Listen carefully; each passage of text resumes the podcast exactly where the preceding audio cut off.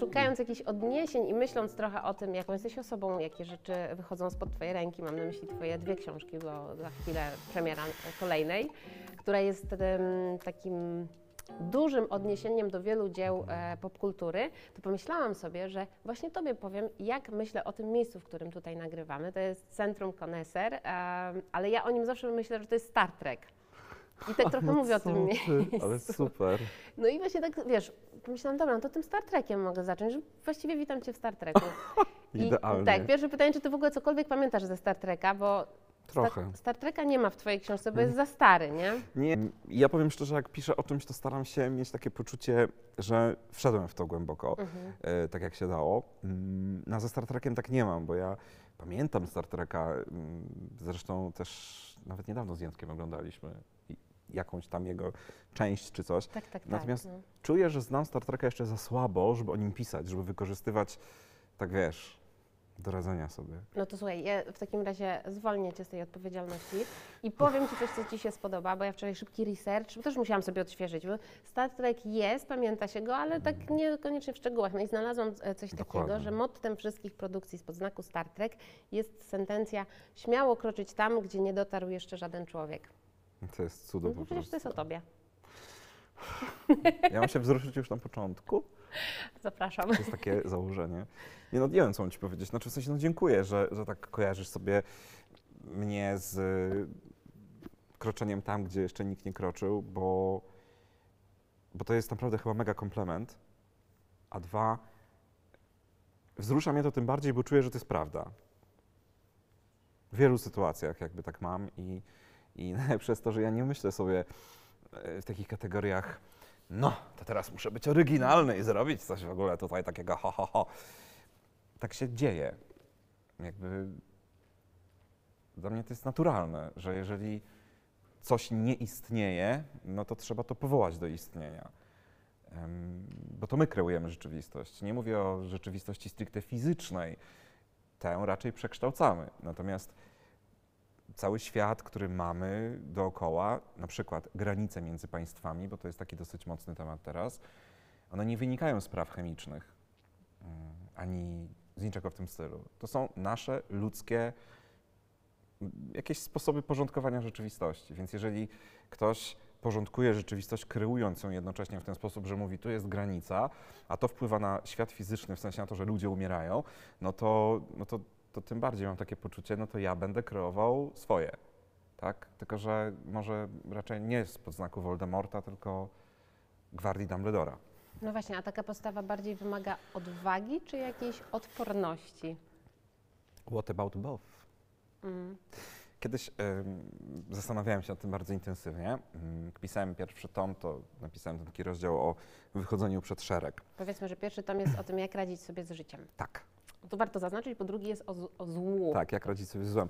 I w tym pierwszym tomie napisałem o wychodzeniu przed szereg. Mm, I myślę sobie, że to na pewno wymaga odwagi, ale ja też myślę, że to wychodzenie przed szereg jest czymś takim zupełnie naturalnym. To znaczy, kiedy w człowieku coś pęka. I kiedy coś pęka, no to siłą rzeczy to cię samo trochę niesie.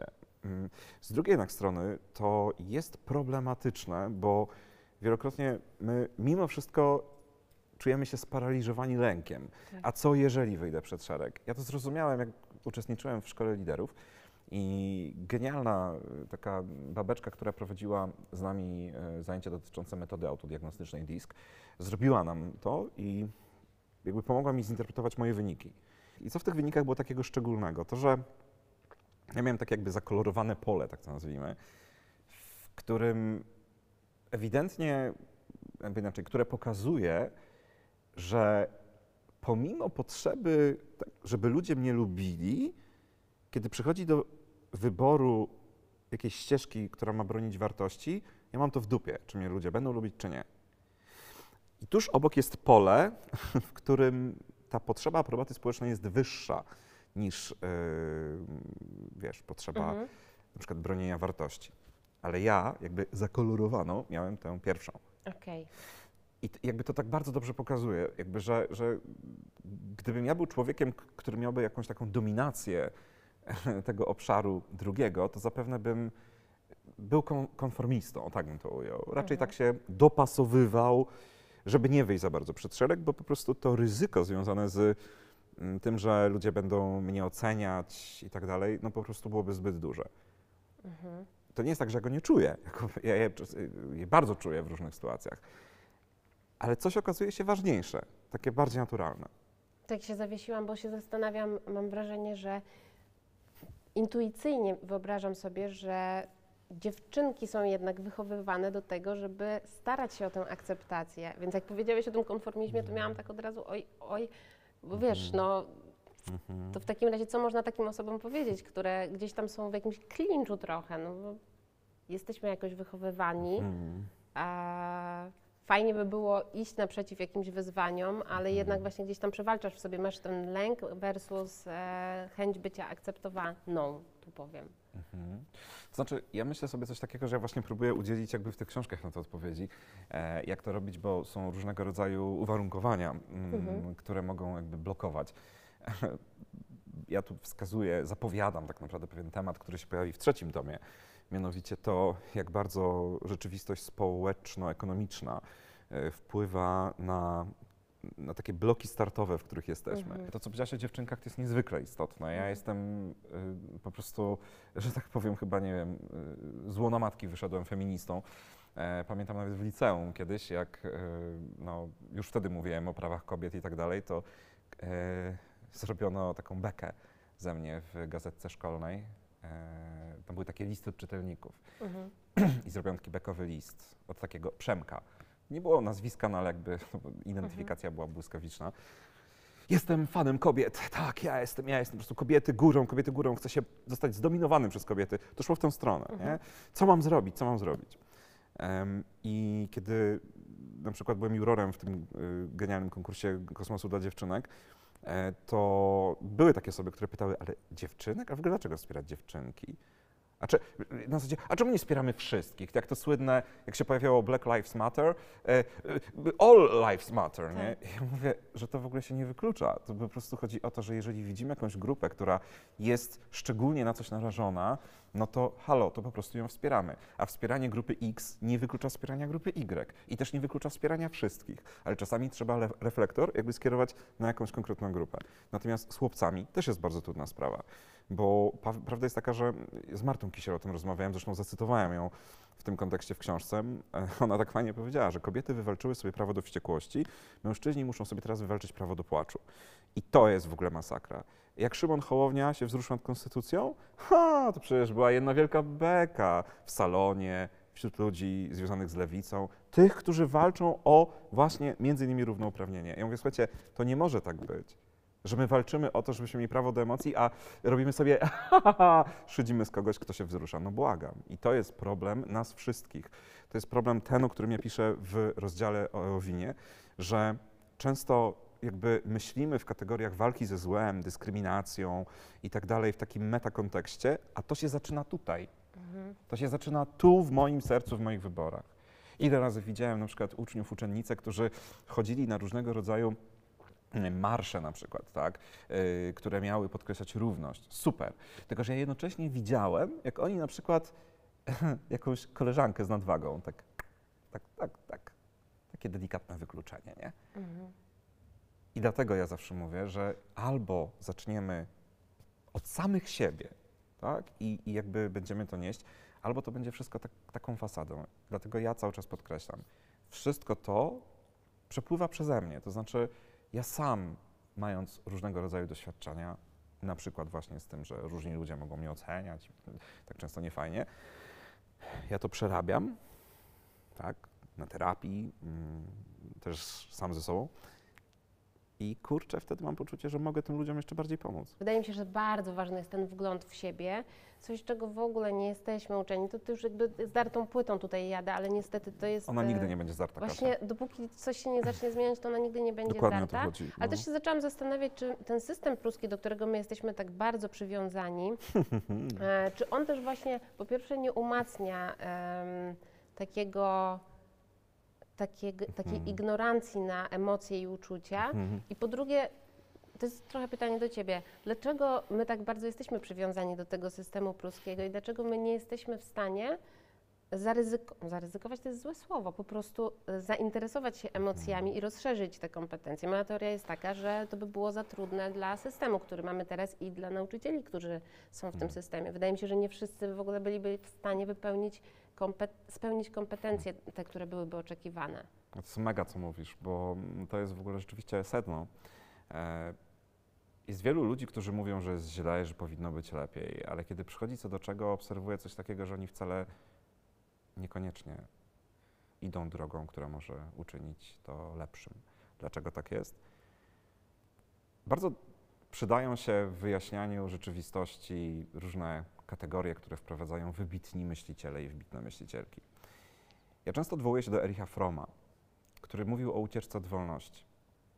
Wolność, co zresztą potem pięknie też pokazuje Jean-Paul Sartre, przeraża. My tak mówimy o, o Jezu, chciałbym tu mieć możliwość, tak, ale kiedy zderzasz się z tą wolnością, to jest nagle takie, ja często takie coś widzę, ludzie marzą o wielkich domach, ale kiedy już zaczynają mieszkać w tym wielkim domu, on zaczyna przerażać tym, że on jest tak wielki, w tym sensie, trzeba o niego dbać. E, mamy wielkie marzenia, zaczynamy ich realizację i nagle się okazuje, Boże, to jest takie wielkie. E, ludzie, którzy są w związkach i się męczą, mówią, marzą o wolności, wychodzą z tych związków, powiedzmy, albo no, robią sobie coś tam gdzieś na boku i nagle się okazuje, że to w ogóle nie jest to. My się jakby, my nie rozumiemy wolności i się jej boimy. No i co można z tym zrobić? O, to jest w ogóle osobne pytanie. Ale chcę podkreślić, że to jest w ogóle jedna z tych kategorii, które mi bardzo pomagają zrozumieć, dlaczego tak jest. Dalej, syndrom sztokholmski. Jeżeli się żyje w przemocowym systemie, a system pruski jest przemocowy i to w ogóle on jest na przemoc nabudowany, może tak powiedzmy, no to my się przyklejamy do tej przemocy. My się przyzwyczajamy do tego. A ludzka psychika działa w taki dosyć ciekawy sposób, paradoksalny, wiele osób o tym nie wie, że jakby my na nieświadomym poziomie zawsze wybieramy przede wszystkim to, co znamy, Mhm. a nie to, co nam się wydaje, że chcemy wybrać. Są dwa przykłady ze świata marketingu na przykład. Nie, E, nie zapomnę tak, jak jechałem z tatą samochodem w Koszoli, nie? Jedziemy, jedziemy i nagle słyszymy takie coś. Mądry Polak po szkodzie. Nie, mądry Polak po szkole, po Koszalińskiej Wyższej Szkole Nauk Humanistycznych, nie? I po prostu my z moim tatą, o Boże, takie na zasadzie, jakie to jest głupie. Ale ja po chwili tak pomyślałem, wiesz co, tato, w sumie, ale to ta reklama może jest głupia, ale ona jest dzięki temu dobra, bo zobacz, zapamiętaliśmy ją. Ja ją zapamiętałem tak, że po 15 latach ją przywołuję No dokładnie. prawda? I ja tak często ludziom tłumaczę, jeżeli ty masz x razy wyłączyć dosłownie ten znaczek x, kiedy wchodzisz na jakiś portal, to się możesz wkurzać. Ale tego cały czas wyświetlasz, wyświetlasz. I kiedy idziesz do sklepu na przykład, żeby, nie wiem, kupić groszek czy kukurydzę, to ty w nieuświadomiony sposób wybierasz to, co już sobie kojarzysz, co jest znane. Drugi przykład ze świata związków. Ile ja widziałem osób, które na przykład mm, mówiły tak, że nigdy nie będą tacy jak ich rodzice, Mhm. a są tacy. Nigdy nie wejdę w taki związek, jakim po prostu tutaj żyła moja mama, w ogóle tego. Wchodzi. Dlaczego? Dlatego, że to jest jedyny model miłości, jaki takie osoby znają. I dlatego się na przykład zakochują w osobach, które przypominają przemocowego ojca. Nam się wydaje, nam, ludziom, że my jesteśmy ohu, racjonalni. A to jest bullshit. Kiedyś Sok- Sokrates powiedział, że jeżeli byśmy w teatrze powiedzieli, niech wstaną teraz ludzie, którzy zajmują, się krawiectwem, no to by wstał jeden pan, drugi tamta pani, może no, w tamtych czasach to pani raczej nie, niestety. Niech wstaną ludzie, którzy się zajmują malowaniem obrazów. Jedna, druga, trzecia. Ale gdyby powiedzieć, niech wstaną ludzie rozsądni, podnieśliby się wszyscy. My tak lubimy o sobie myśleć, a człowiek nie jest istotą racjonalną. W tym sensie, że jakby w decydujący sposób, decydującą częścią psychiki jest sfera nieświadoma. I teraz jakby zadasz pytanie, co z tym zrobić, i to jest moja odpowiedź. Uczynić to, co nieświadome, świadomym. To, co napisał Jung. Dopóki nie uczynisz nieświadomego świadomym, ono będzie sterowało Twoim życiem, a Ty będziesz nazywał to przeznaczeniem. Mhm. I tu się zaczyna podróż bohatera i bohaterki. Przemku, a dlaczego w takim razie ty odszedłeś ze szkoły? Dlaczego odszedłem ze szkoły? No. Wiesz co, bo ja już nie miałem tam możliwości dalej być, o tak bym to nazwał. Ja po prostu mm, na tyle się szanuję, na tyle jakby troszczę się o siebie, że jakby nie było innej opcji. Jakby sposób, w jaki em, była tam legit, legitymizowana w stosunku do mnie postawa yy, i traktowanie mnie to takie, że tak powiem, nazwijmy to często, no jednak w białych rękawiczkach. Sorry, ja po prostu w momencie powiedziałem nie. Nie Ale never- poczekaj, bo to jest tak, że szkoła ma e, w swoich zastępach fantastycznego nauczyciela, który ma fantastyczne relacje odnosi, z uczniami, odnosi Mhm. sukcesy, promuje tę szkołę na świecie, no wiadomo, w kraju, ale też na Nie, na świecie, no bo w sumie też o Nobla nauczycielskiego walczyłeś. E, czy to będzie jakieś takie potwierdzenie takich e, niebezpiecznych stereotypów, o których czasem mówimy, że nie, nie wybaczamy sukcesów innym ludziom? No myślę, że jak najbardziej. Myślę, że to jest coś, co w ogóle jest po prostu częścią naszego życia w tym kraju, w tym społeczeństwie, w tej mentalności, że tak się mówi często, przyjaciół poznaje się w biedzie. A ja myślę, że przyjaciół poznaje się w suk- sukcesie.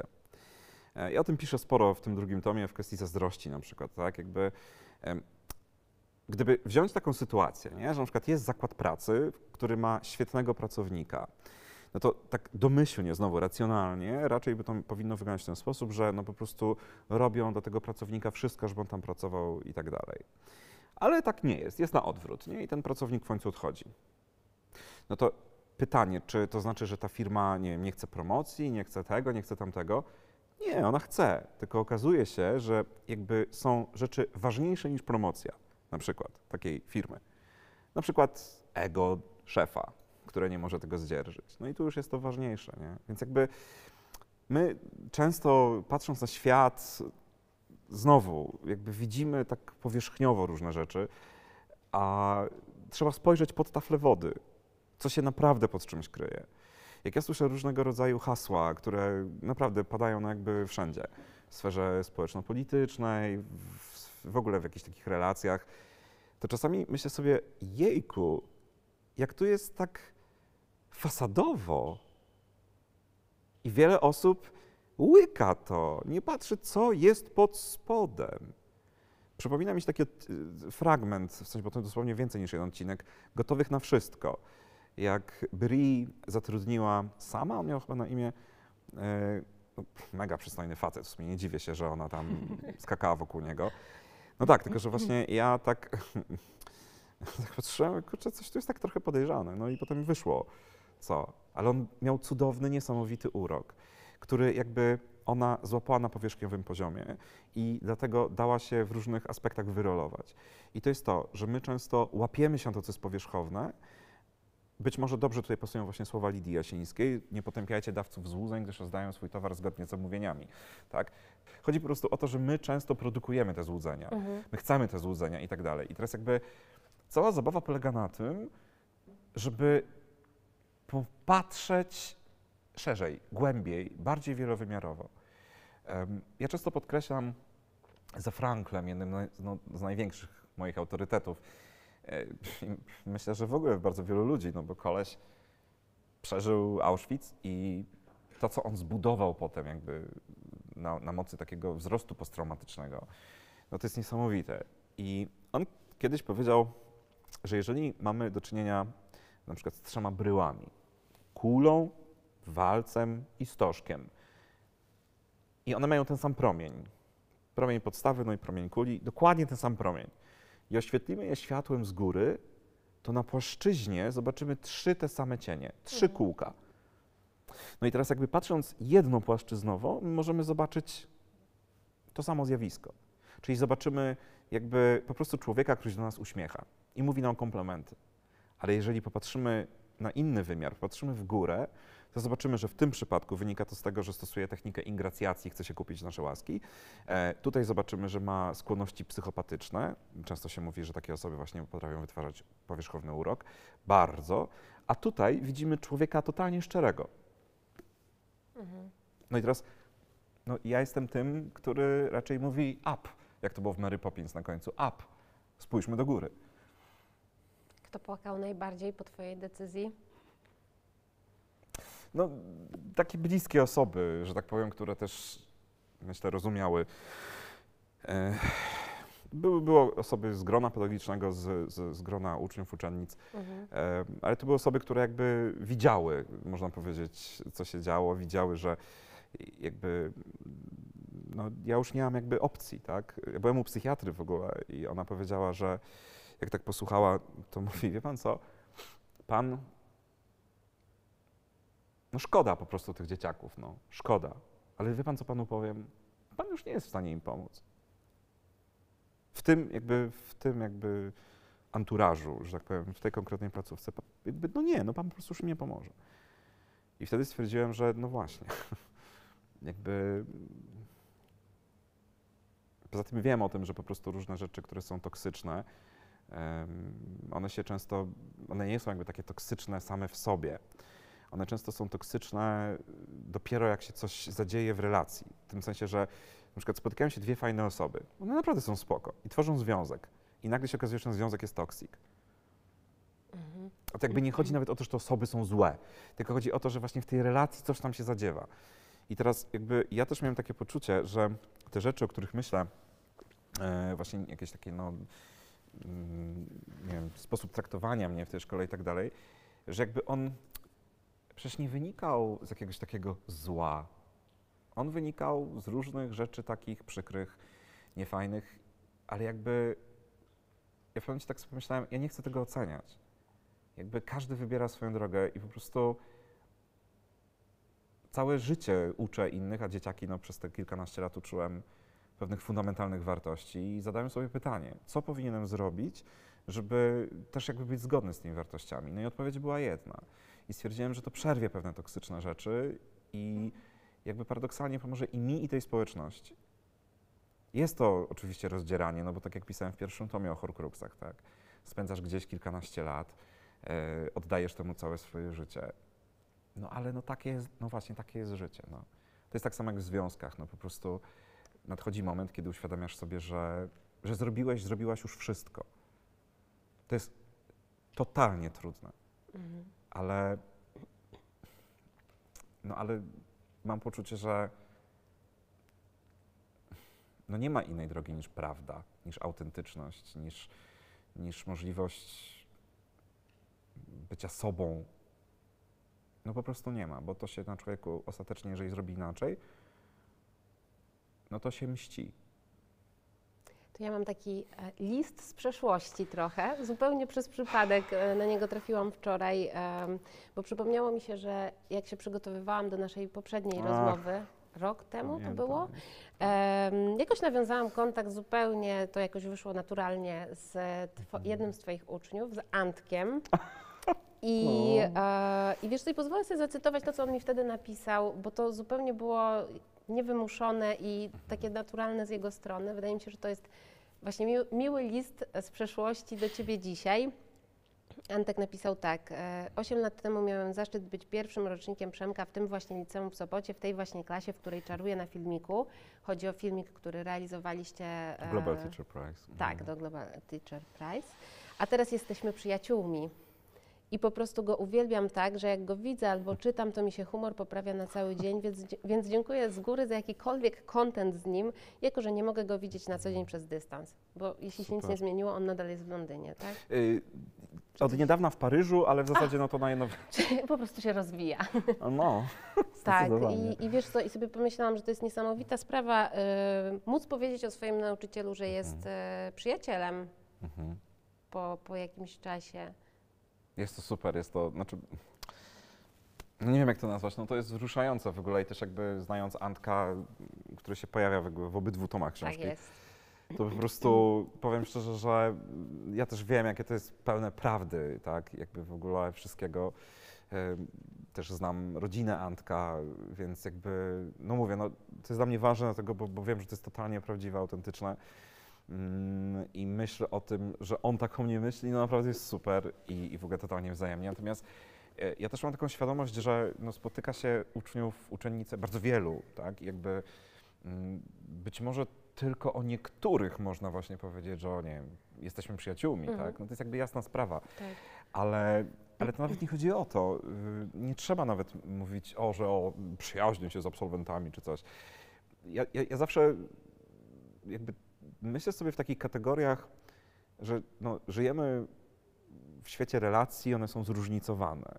I nie chodzi o to, żeby każdą relację czynić przyjaźnią na przykład, tylko żeby zrobić to, co naprawdę można zrobić dobrego w danej relacji. Mhm. Tak? Takiego, takiego good enough. I teraz są takie relacje, w których najlepszą rzeczą, jaką możemy zrobić, jest na przykład, na przykład, na przykład, na przykład, No, e, dawaj ten przykład. e, jest, załóżmy, jakaś jednorazowa pomoc komuś, Mhm. tak? I tyle. I to jest okej. Jeżeli relacja ma taki kształt i charakter, to to jest zupełnie spoko. Nie? Więc jakby ja tutaj mówię o tym dlatego, że, że to jest super, co Wagatek napisał, to jest naprawdę mega, ale jednocześnie to nie oznacza, że na przykład osoby, z którymi ja się, nie wiem, y, moi absolwenci, absolwentki, których bym nie pomyślał, że się z nimi przyjaźnię, to są że w ogóle i tak dalej. No nie, to jakby, dlatego ja też lubię, jak y, pani Tatarkiewicz, y, Ela, mówi właśnie, że pozostajemy w przyjaźni. To mi się tak bardziej podoba niż bycie przyjacielem. Bycie przyjacielem to jest takie, już takie coś mocne. A to jest, jestem z kimś w przyjaźni, w przyjaznych stosunkach, chociaż to z kolei to tak się tak kojarzy, że ju- już się nie zabijamy, nie? Ale to chodzi właśnie o to angielskie friend, nie? I w tym sensie jakby wszyscy ludzie, którzy, którzy skończyli na przykład edukację pod moim kierunkiem, y, no ja mam do nich takie podejście. O nich wszystkich myślę w sposób niesamowicie taki, no bez nich nie byłoby mnie. No wiadomo, bez jednych bardziej, może bez innych tego, ale no, naprawdę jest nie jeden uczeń, nie jedna uczennica, no teraz to już są wiadomo, tacy naprawdę dorośli ludzie, którzy współkształtowali mnie. Mhm. Jeszcze mam tutaj taki fragment, który też mi bardzo rezonuje z tym, o czym mówimy, bo ja się zgadzam, że mm, w ogóle rolą nauczyciela przecież nie jest bycie przyjacielem, to się może wydarzyć przy okazji. A, I to jest Dokładnie. super, ale bo też właśnie, żeby nie wywierać presji na innych nauczycieli, Tak. że teraz to oni muszą być w ogóle nie Absolutnie. wiadomo jacy. Natomiast ja mam To jest- super przykład na to, wydaje mi się, że się z tym zgodzisz, z tymi słowami. Mm, Clint Smith, e, amerykański pisarz i poeta, mm, napisał o jednym ze swoich powodów, gdzieś tam na Twitterze, dlaczego został pisarzem. To jest super. Gdy byłem w trzeciej klasie, nauczyciel przeczytał mój wiersz o chmurach i powiedział: Możesz zostać pisarzem, gdy dorośniesz. Te słowa zostały ze mną na zawsze. Nauczyciele, nie lekceważcie tego, jakie znaczenie mogą mieć wasze słowa dla uczniów. I teraz słuchaj, jest kontynuacja. Ja to wrzuciłam na Insta Story i zapytałam ludzi, jakie słowa oni pamiętają, e, albo jakieś właśnie takie sytuacje z nauczycielami. No i uwierz mi, że to była jedna z niewielu sytuacji na Instagramie, kiedy miałam tylko jedną odpowiedź, tylko jedną. I to było vanitas vanitatum et omnia vanitas, czyli no, taki mało optymistyczny cytat. Sakra. To jest tak smutne. To jest smutne. Ale, ale coś smutne. konstruktywnego może. Ja pamiętam Mhm. sytuację ze swojej szkoły, która też mi została w pamięci i poniosła mnie dalej właśnie w podobny sposób jak tego Super. e, pisarza. No, A ty masz takie sytuacje w swoim życiu? Ale oczywiście, że tak. Ja jeszcze myślę cały czas o tym, No. co powiedziałaś, bo, bo tu jest bardzo wiele ważnych takich stwierdzeń, Tak, które tak, padło. padły. Ja powiem tak, że po pierwsze jest to smutne, ale cały czas mam wrażenie, że to może wynikać z różnych rzeczy, że tam przyszła tylko jedna odpowiedź. Nie? Na zasadzie, wiesz, e, kiedy zadałaś to pytanie, to jest takie pytanie, które drąży. Tak. I ludzie mogli zacząć myśleć tak, o tym. I to tak drąży, że mogli nawet zapomnieć, jakby, wiesz, że to się zadziało na stories, w którym się odpisuje. Mhm, Że nie mogli to po prostu ponieść dalej. mhm. E, Ja też zdarzało mi się zadawać takie pytania dość głębokie i też miałem takie wrażenie, że tam stosunkowo mało potrafi być odpowiedzi. Ja myślę o jeszcze jednej rzeczy, mianowicie, kurczę, my mamy problem często, myślę tutaj o naszym takim areale kulturowym, e, no przede wszystkim no w Polski, bo jakby nie mam takich aż takiej wiedzy, żeby porównywać, ale w Polsce to dość mocno czuć, że my mówimy dużo o gościnności, o życzliwości, o chrześcijaństwie, ale tak naprawdę to wszystko jest takie, no właśnie, znowu, fasadowe. Mam takie wrażenie, że w nas jest mało takiej ogólnie pojętej życzliwości. Ja mówię jako totalnie w takim meta wymiarze, tak, o społeczeństwie. Takiej najzdrowiej pojętej życzliwości. I tu nie chodzi o życzliwość typu mówię komuś dzień dobry, bo w cudzysłowie to każdy głupi potrafi, Mhm. tak? E, to chodzi o taką życzliwość stąd, Mhm. do każdego napotykanego człowieka, czy w ogóle wręcz żywego stworzenia. I miałem taką sytuację kiedyś na jednym z swoich pierwszych szkoleń, które prowadziłem w życiu. E, ja przygotowałem taką księgę, gdzie osoby tworzące pewien zespół miały napisać cechę jakąś, jakieś zachowanie, jakąś sytuację, cokolwiek, za co mogą podziękować innym. Tak, i to tam tak było fajnie, że tam każdy jakby dostawał o sobie różne rzeczy. Mhm. I kiedy przyszło do osoby, jakby, która liderowała temu zespołowi, to był bunt. Nic o niej nie można dobrego napisać. Ja sobie tak wtedy pomyślałem, mówię, kurka, w ogóle nic? No przecież w końcu tam po jakimś czasie ktoś powiedział, no dobra, raz pozwoliła mi wyjść wcześniej z pracy. I teraz jakby pytanie jest takie, czy trafiłem w tym momencie na jakąś taką, nie wiem, y, osobę, liderkę, która jest Voldemortem w spódnicy, czy po prostu to jest tak, że ta, tam były na przykład jakieś nierozwiązane konflikty i to przysłaniało. Czy po prostu tak trudno się życzliwie odnieść do człowieka i obserwując to wszystko, mam takie wrażenie, że my naprawdę mamy z tym problem. I to jest jakby jedna strona medalu. A druga strona medalu jest taka, że polski system, jak już powiedzieliśmy, jest po prostu bez sensu. I jakby on zmusza ludzi do funkcjonowania w tak chorych często relacjach, że trudno się dziwić, że ci młodzi ludzie nie chcą jakby jakoś nie wiem, dzielić się jakimiś dobrymi wspomnieniami z nauczycielami, tak? Tu może być kilka powodów. Mm, Bo ten system jest przemocowy. On jest przemocowy z samego faktu. No bo jeżeli są dwie osoby, e, które mają jakąś tam powiedzmy relację i jedna mówi o tym, co ma zrobić druga i ta druga tego nie robi i tamta wtedy włada jej przyszłością, bo to trzeba jasno podkreślić, bo w tym momencie jakby, nie możesz nie zdać i tak dalej, to, to jest masakra, to jest przemoc. To jest przemoc instytucjonalna, to jest przemoc w ogóle na różnych poziomach. I to jest problem. E, I teraz ktoś powie, no tak, ale nauczyciele mają prawo wyboru. Oczywiście, że mają, dlatego jest świetnych nauczycieli, nauczycielek, mnóstwo takich. Tylko, że tu nie chodzi o to, żeby ha, gdzieś tam mówić, a są tacy, są tacy. To chodzi o to, żeby była równość, żeby każdy uczeń, uczennica mogli doświadczyć czegoś takiego od nauczycieli. A żeby doświadczyć tak masowo, no to trzeba by jednak tych nauczycieli na przykład dowartościować, wesprzeć, dać im poczucie godności ekonomicznej, czy jakby odwrotnie to, co robi obecne ministerstwo. Dlatego stąd też tak może być. I mam takie wrażenie, że wiele tych czynników tworzy odpowiedź na pytanie, jakby dlaczego było tak mało y, jakby tych reakcji. Natomiast ja, ja mam zupełnie inaczej. W sensie, ja mam nauczycieli i nauczycielki, których wspominam i cały czas jakby mam poczucie, że mnie ukształtowali.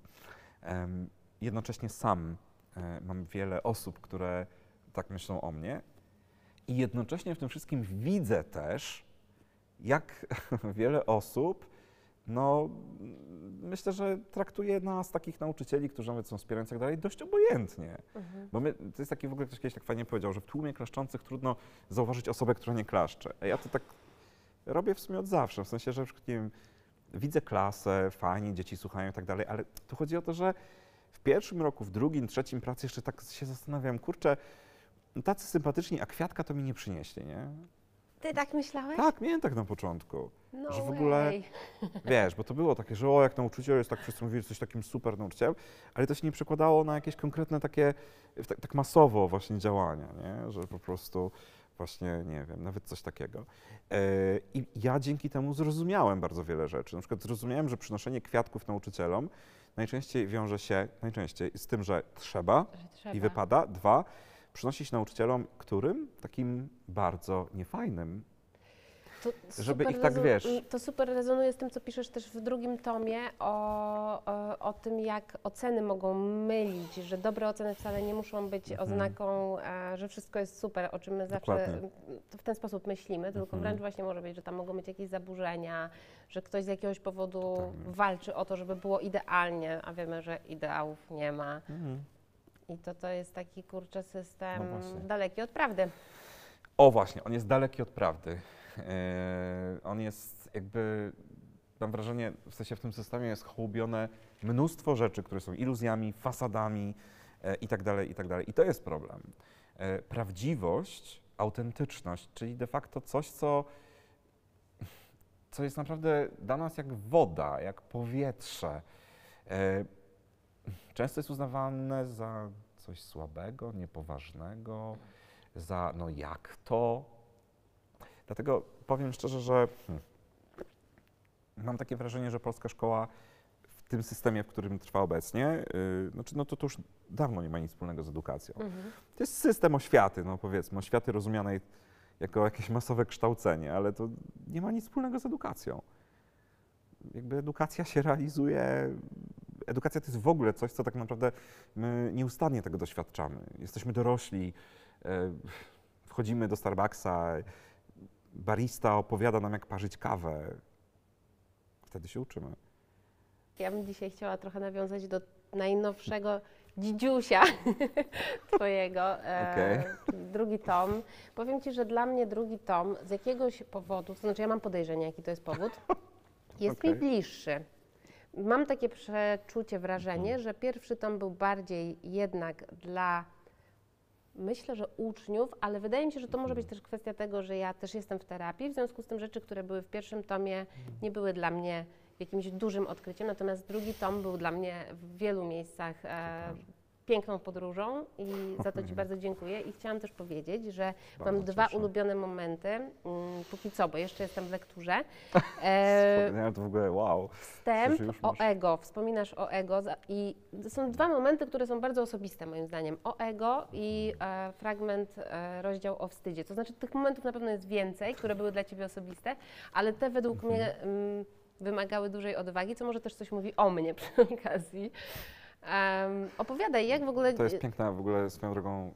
To jest piękny poziom dojrzałości, jeżeli ty mówiąc nawet o tym mówisz, że to może mówi o mnie. No, Tak mi się wydaje, ja też to widzę w swoich wywiadach, że często to, o co pytam, e, dużo mówi o mnie. o taką świadomość nic nie robiłem z moich rozmówców. No, No i opowiadaj, jak bardzo musiałeś się, wiesz, e, rozebrać do rosołu, do tej książki, żeby, mm, czy to było faktycznie e, takie trochę zdejmowanie kolejnych Mhm. warstw z samego siebie i o- odsłanie, odsłonięcie siebie, czy właśnie nie? Masz to już tak przepracowane, że wykładasz na Aha. talerzyku i bierzcie i jedzcie. fajnie to brzmi. Wiesz co, powiem szczerze, że to y, bliżej jest zdecydowanie do tego drugiego. Y, to znaczy ja mam, mm, ja mam coś takiego, mm, że ja już w zasadzie nie mam takiego obszaru chyba w życiu. Poza wiadomo, jakimiś takimi rzeczami, które są naprawdę jakieś takie, że nie wiem, mam poczucie, że są moje, moje. O, jakby takiego obszaru, o którym nie wiem, nie chciałbym mówić. Serio, jakby. No dobra, ale jak ktoś ci zarzuci, że to jest ekshibicjonizm, to co odpowiesz? Ja mam bardzo prostą odpowiedź. Mianowicie taką, że ekshibicjonizm jest pewnego rodzaju um, zaburzeniem, tak, które polega na tym, no oczywiście w oryginalnym sensie to dotyczy, No wiadomo, Wiadomo. chodzi raczej o taki Tak, emocjonalny. tak, e, ale jakby jeżeli to jest zaburzenie, a jest siłą rzeczy, no to tutaj też możemy dopatrzeć tego śladu, że ekshibicjonizm jest czymś kompulsywnym. Że muszę, muszę, mu, muszę z siebie wyrzucać, tak? Muszę pisać te posty na Facebooku i tam i tak dalej. Ja nie muszę. Ja y, snując jakby pewne mm, historie tutaj, Mhm. ja się przede wszystkim opieram na tym, czego potrzebują odbiorcy. Robiłem ankiety różnego typu, na live'ach pytałem, na fanpage'u Szkoła Bohaterek Bohaterów. E, Bardzo dużo rozmawiałem mm, przecież o tym z moją przyjaciółką Martą Młyńską, z redaktorką Karoliną Oponowicz, która zawsze podkreśla, że jej rolą jest bycie rzeczniczką czytelników i czytelniczek, tak? Że, że tak bym dla nich. I kiedy ja stworzyłem listę jakby takich propozycji tematycznych, to no jakby już wtedy, można powiedzieć, ona była stworzona pod innych. Tak? Nie, to nie jest tak, że o Jezu, dobra, to teraz ja napiszę takie rozdziały, które mnie uleczą. Nie, nie. To jakby, ja tak jak szedłem na psychologię, to może miałem takie trochę złudzenie, że ach, może się wyleczę, ale to było przez moment. E, absolutnie. To jest zrobione dla innych. I teraz ja opowiadając różne historie, mm, korzystając jakby z takich, jakby za, zaczepiając się o tych bohaterów, boha- bohaterki popkultury, ja próbuję wytłumaczyć istotę różnych takich trudnych rzeczy. I używam swoich historii w jakim celu? W takim, żeby lepiej zobrazować coś i żeby też, ja to robię od lat, wysłać taki sygnał. Zobaczcie, ja jestem taki sam jak wy. Mam tak jak ty. Mm. Mam tak jak ty, dokładnie o to chodzi. To jest to, co tam pada w pewnym momencie, to jest to ja też. Yy, I Słynny mi tu. D- d- dokładnie, to właśnie też piszę, że to nie przez przypadek ta akcja nazywa się MeToo. E, ja to też jak mantrę tam powtarzam, wprost to mówię, tak? Zobaczcie, że znów docieramy do punktu, w którym okazuje się, że, że tak ważne jest wsparcie na przykład, nie? I ja, wiesz, uśmiecham się, jak słyszę o tym ekshibicjonizmie, dlatego, bo ja pracując przez lata w szkole, e, dokładnie właśnie w ten sposób pracowałem. Znaczy, jeżeli była taka sytuacja, że ja widziałem, że dobrze jest wejść z jakąś historią ze swojego życia, to ja to robiłem. I jakby widziałem reakcje różnych ludzi na to, takich dorosłych, takich jak na przykład z rozdziału o zazdrości, nie? E, takie no ja nie wiem, co on w ogóle tak mówił, takie rzeczy, no to, to, to jest niepoważne, nie? On sobie niszczy autorytet. E, I widziałem reakcje ludzi młodych, z którymi pracowałem, a to dla nich pracowałem w szkole. Widziałem też reakcje ich rodziców. I nigdy nie było takiej sytuacji, żeby ludzie młodzi, jakby, nie wiem, traktowali jakieś, nie wiem, na przykład wskazanie jakiegoś przykładu z mojego życia jako coś, nie wiem, negatywnego. Wręcz przeciwnie. Oni wielokrotnie podchodzili i mi za to dziękowali.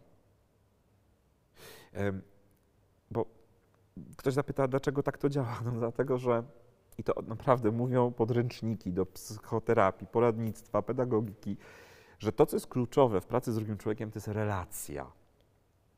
Relacja, która nie jest po prostu kontaktem. Relacja to jest pewien, pewne coś, co się dzieje między ludźmi, i to jest takie coś, gdzie ja czuję akceptację mnie jako mnie, poczucie bezpieczeństwa mam, mam takie poczucie towarzyszenia, takiej realnej obecności, że to nie jest takie na zasadzie jesteśmy obok siebie fizycznie, ale tak naprawdę to ten ktoś tak jakby go nie było. I mam też takie mega poczucie, tak jak to pisał Katarbiński, że ten drugi człowiek jest takim opiekunem spolegliwym, czyli ja mogę na nim polegać. To nie oznacza, że on wszystko za mnie zrobi, czy, w ogóle cokolwiek za mnie zrobi, albo że się będzie zawsze rzucał. Nie. To chodzi o to, że ja tak ogólnie mogę polegać na nim jak na człowieku, że to mnie stymuluje do rozwoju. I to jest sedno pracy z ludźmi. I podręczniki właśnie na przykład do psychoterapii pokazują jasno, że to właśnie relacja jest czynnikiem leczącym przede wszystkim w psychoterapii. I tak samo jest w relacji pedagogicznej. To jest clue. E, I prawda jest taka, że właśnie dlatego to dzielenie się sobą tak działa. Bo to, można powiedzieć, jakby boostuje wszystko to, co powinno być istotne w relacji. Bo w relacji, żeby ją tworzyć naprawdę, no, nie można się kryć za jakąś fasadą. W relacji ja się odsłaniam, tak? Żeby ta relacja była prawdziwa. Ja muszę być autentycznym, a autentyczność niewiele ma wspólnego z perfekcjonisty, e, z takim po prostu uhu, uhu, Instagram, w ogóle Tak. filtr i w ogóle bla, bla, bla i tak dalej. Jest tam odmówiony idiotyzm doskonałości, widziała Szymborska. I jakby takim osobom, które są jakby właśnie tak obok nas, takim osobom my ufamy. Do takich osób jakby my lgniemy. Czy jesteśmy młodsi, czy starsi, to nie ma znaczenia. I właśnie ponieważ to przez lata widziałem, jak doskonale działało e, i też zawsze miałem z tyłu głowy, żeby, no, że trzeba pamiętać o tym, tak, że jakby to, to działa, to ma być dla tych młodych ludzi, tak, e, a nie jakaś, nie wiem, próba, nie wiem, jakiegoś Kreacji. tak, kreacji, załatwiania Mm, jakichś swoich mm. spraw. Ja też myślę, że uniknąłem tego między innymi dzięki temu, że ja już bardzo wcześnie na etapie praktyk nauczycielskich, jak kończyłem psychologię, ja już wtedy sobie uświadomiłem, że kiedy ci uczniowie, uczennice na praktykach tak się zachwycali moimi lekcjami, ja się czułem tak super, to uświadomiłem sobie, że trochę tutaj mi tak pachnie tym, że jak byłem w liceum, byłem olimpijczykiem, przewodniczącym samorządu, ja przez to byłem taki trochę, ja się sam poniekąd oddalałem od grupy, o tak bym to nazwał, byłem takim, wiesz, takim trochę niedotykalnym, ale to wiem oczywiście teraz już od lat, wiem, że to wynikało po prostu z tego, że no, ponieważ bałem się komuś powiedzieć o tym, że jestem gejem, no to się rzeczywiście oddalałem i tworzyłem takie właśnie parawany. Ja swojego liceum y, nie przeżyłem tak, jak no, byłoby to fajnie przeżyć, tak w pełni. Że takie naprawdę mega fajne relacje rówieśnicze. Miałem świetne relacje, ale, no ale właśnie, jakiś deficyt. I ja na tych praktykach, chociaż to było w tym samym liceum w Koszynie, zacząłem czuć, jakby troszeczkę te ich reakcje, tych, tych dzieciaków z praktyk, jakby tak właśnie trafiały do tego punktu, gdzie miałem ten deficycik. I wtedy zaświeciła mi się lampka, że jeżeli kiedykolwiek będę jakby pracował z ludźmi mm, i to będzie zaspokajało coś, jakieś moje zranienia z przeszłości, no to a. a. I dlatego, dlatego ja, będąc tego tak świadomym od razu, ja błyskawicznie też wiedziałem, e, na, jakby skąd się na przykład właśnie bierze taka e, postawa czasami niektórych nauczycieli, że a jestem takim kumplem, nie? Mhm.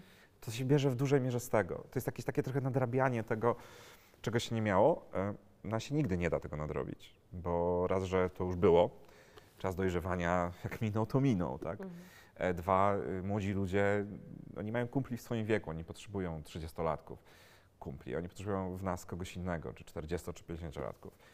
E, Więc ja zawsze miałem to z tyłu głowy, ale też jakby pracując nad sobą, tak, jakby właśnie w ramach terapii, napełniając to swoje wiadro, ja automatycznie jakby powodowałem, że to było niemożliwe, żeby jakby dzieciaki stały się moimi kumplami, o tak, bo ja, ja nie miałem już tej potrzeby. Mhm. Jak znika potrzeba, no to znika też jakieś takie działanie. Tak samo jak miałem kiedyś z alkoholem. Jak mi zniknęła potrzeba, która się kryła za częstym piciem alkoholu tam lata temu, gdzieś tam, takim trochę y, poststudenckim życiem, no to w ogóle przestało mnie to jakoś interesować. Mhm. I kończąc, tutaj chcę powiedzieć, że no to jest wymiar tego w książce. Pozostając e, jeszcze w temacie tego, co się dzieje w Twoim życiu, bo ja też próbuję odnaleźć się w tych zmianach, które w Tobie zachodzą i w Twoim życiu. W sensie odnaleźć się, zrozumieć i tak, zrozumieć chyba, bo wiem, że jesteś bardzo świadomym człowiekiem, który gdzieś stara się jednak e, kreować swoją ścieżkę. Więc pytanie do Ciebie, takie trochę podchwytliwe. E, w którym miejscu jesteś e, w tym wzorze drogi e, bohatera Campbella w takim razie? Cudowne to jest. Ojej, to znaczy ja przychodzę, mam wrażenie, tą podróż co jakiś czas i Mhm. Myślę, że, to znaczy tak, szczerze, myślę, że teraz jestem, a, zbliżam się do tej jaskini e, z największymi lękami, e, ale to w pewnym aspekcie swojego życia, tak bym to nazwał. W sensie, że jestem w takim też momencie terapii, gdzie dotarłem już bardzo głęboko do różnych rzeczy i teraz po prostu trzeba tak domknąć, e, albo przynajmniej, a może właśnie otworzyć. To w tym sensie, jakby tak mi się skojarzyło z tą taką pieczarą, że, że jaskinia, do której boisz się wejść, kryje ten skarb. Ale, ale to, to tak moje pierwsze skojarzenie. Natomiast tak globalnie, ja mam wiesz co, takie poczucie, że taka meta podróż bohatera, yy, ona jakby w pewnym sensie a, zadziała się, kiedy zostałem na uczniem roku i zdobyłem to trofeum. Ja, ja teraz oceniając to po trzech latach już widzę, że to było rzeczywiście to trofeum. I ja wtedy jakby tak jak Campbell pisze, że bohater nie wraca z tym trofeum dla siebie, nie stawia tam, wiesz, e, w jakimś pomieszczeniu, gdzie tylko on wchodzi i się masturbuje, jaki jest zajebisty, tylko po prostu on to trofeum wykorzystuje do tego, żeby pomagać społeczności. I ja tak patrzę na siebie, ja właśnie tak to zrobiłem i robię.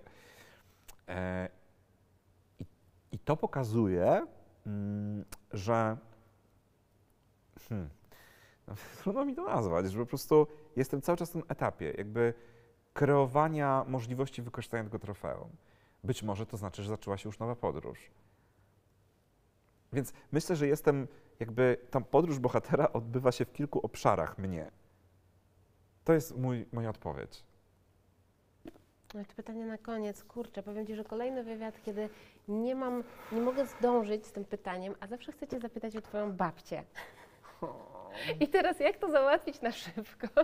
Bo uwielbiam e, Twoje wpisy dotyczące tego, jak ona odchodziła, tego, i- co znaczyła w Twoim życiu i też cała pula znaków, które się pojawiają w Twoim życiu, gdy ktoś odchodzi. Dostajesz karteczki, znaczy one pojawiają się z różnych stron. Ja to uwielbiam, bo to jest zawsze takie dające nadzieję i to jest troszeczkę takie jak z jakiegoś mitu, jak z jakiejś baśni wyciągnięte, ale też właśnie daje nadzieję. Więc jak ja mam teraz tę sprawę Yes. babci Mici, może najważniejsze rzeczy, jakie się nauczyłeś od swojej babci. Tak trochę banalnie, ale no. Jezu Chryste, nie, to jest w ogóle, to jest naprawdę trudne, w sensie, że, że, że rzeczywiście uświadamiasz mi, jak to jest w ogóle mega ważny obszar jakby. Tak, bo my tu wiesz, edukacja, twarde rzeczy, ale jest jeszcze ten inny obszar, który trzeba mieć też na względzie te emocje i też te Mhm. postaci, które odeszły, a są jednak z nami. Wiesz co? I właśnie to jest, myślę, to zdanie mi pomaga. Zobacz, że tak naprawdę edukacja to, to są twarde rzeczy w tym sensie, że są fundamenty wszystkiego, a jednocześnie one nabudowują się na tej pluszowości emocjonalnej. To jest niesamowite, że coś, co jest najtwardsze, pojawia się w wyniku całkowitej miękkości. Ale mnie to już przestało dziwić, bo jak ja obserwuję rzeczywistość, to naprawdę właśnie często widzę, nie? Cie, to, to ciemność jest kolebką światła. Ukochanie siebie pozwala odejść od siebie i zostawić swojego. Więc myślę w ten sposób, nie? Że, że, że ta edukacja będąca, no ona musi być czymś twardym, skoro jest fundamentem wszystkiego, ona jednocześnie jest miękka. Ona, bo, w sensie ona się emocjonalnie jakby yy, zaczyna od tego, co miękkie, od tego, co dobre, ciepłe, życzliwe, pluszowe, czyli od cech charakterystycznych relacji. I myślę sobie, że właśnie to doskonale widać w mojej, właśnie w tym wszystkim, co robiła, czym była, kim była w zasadzie moja babcia. E, oczywiście nie tylko ona, ale tutaj jakby zadać pytanie o nią i to też jest bardzo mega, bo, bo rzeczywiście no ona jest taką osobą paradygmatyczną w moim życiu, bo no ze wszystkich osób, które odeszły, ona była mi taka no, najbliższa, tak, jakby w sensie, że ona była dla mnie taką drugą mamą. I powiem szczerze, że właśnie chyba to jest to, że moja babcia, ona bardzo mi pokazała, nie mówiąc mi, tylko właśnie w sposób, jaki mnie traktowała. Ja to często podkreślam, że to jakby dzi- ludzie nie robią tego, co my im mówimy, tylko y, jakby zachowują się tak, jak my się zachowujemy. Tak przejmują to. Albo robią coś według tego, jak się czują z nami. I moja babcia była taką kreatorką jakiegoś pięknego, ciepłego, magicznego, niesamowitego wymiaru, wymiaru relacji, w którym było wszystko. Czy była perfekcja i idealność i doskonałość? Nie. Thanks God. To było prawdziwe, prawdziwe, ale życzliwe. Życzliwe, ale prawdziwe. Albo zamiast ale powiedzieć i. I prawdziwe, i życzliwe. Natomiast myślę, że jedną z najważniejszych rzeczy, yy, którą ona mi dała, być może najważniejszą, tak z perspektywy tej edukacji, jest to, że pokazała mi, że można wyjść poza siebie, poza swoje spojrzenie na świat i spotkać się z drugim człowiekiem, naprawdę się z nim spotkać. I przypomina mi się ten moment, jak oni kilka lat przed śmiercią wrócili do praktykowania, e, do bycia świadkami Jehowy. Oni byli kiedyś dawno, dawno, dawno temu, latach 50., potem długo, długo nic i oni jakby wrócili do tego. Nie? No jakby w mojej rodzinie, która no w dużej mierze jednak jest katolicka, nie? no to było takie trudne. Em, ale to było też trudne, dlatego że z tym się wiązały pewne takie zmiany praktyczne. Czyli na przykład kwestia tego, że dziadkowie no, przestali e, obchodzić urodziny imieniny, święta i tak dalej. Nie? I zaczęło tego brakować. No i ja kiedyś z nimi pogadałem. No bo jakby już wtedy wiedziałem, już kończyłem studia, że, że przecież kluczem do wszystkiego jest dialog. Tak? Inaczej się po prostu nie da. Mm, I pogadałem z nimi, tak mówiąc, że wiecie, no ja szanuję wasz akt wiary i w ogóle to jest jakby jasna sprawa.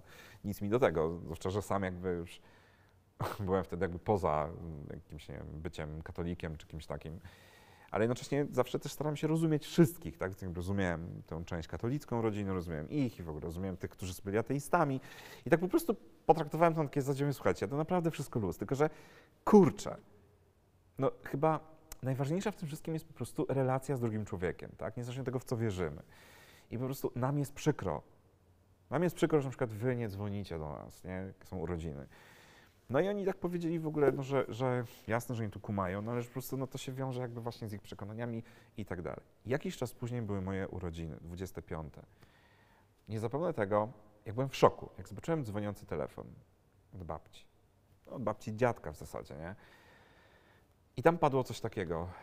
Przemciu, kochamy cię codziennie. Naprawdę.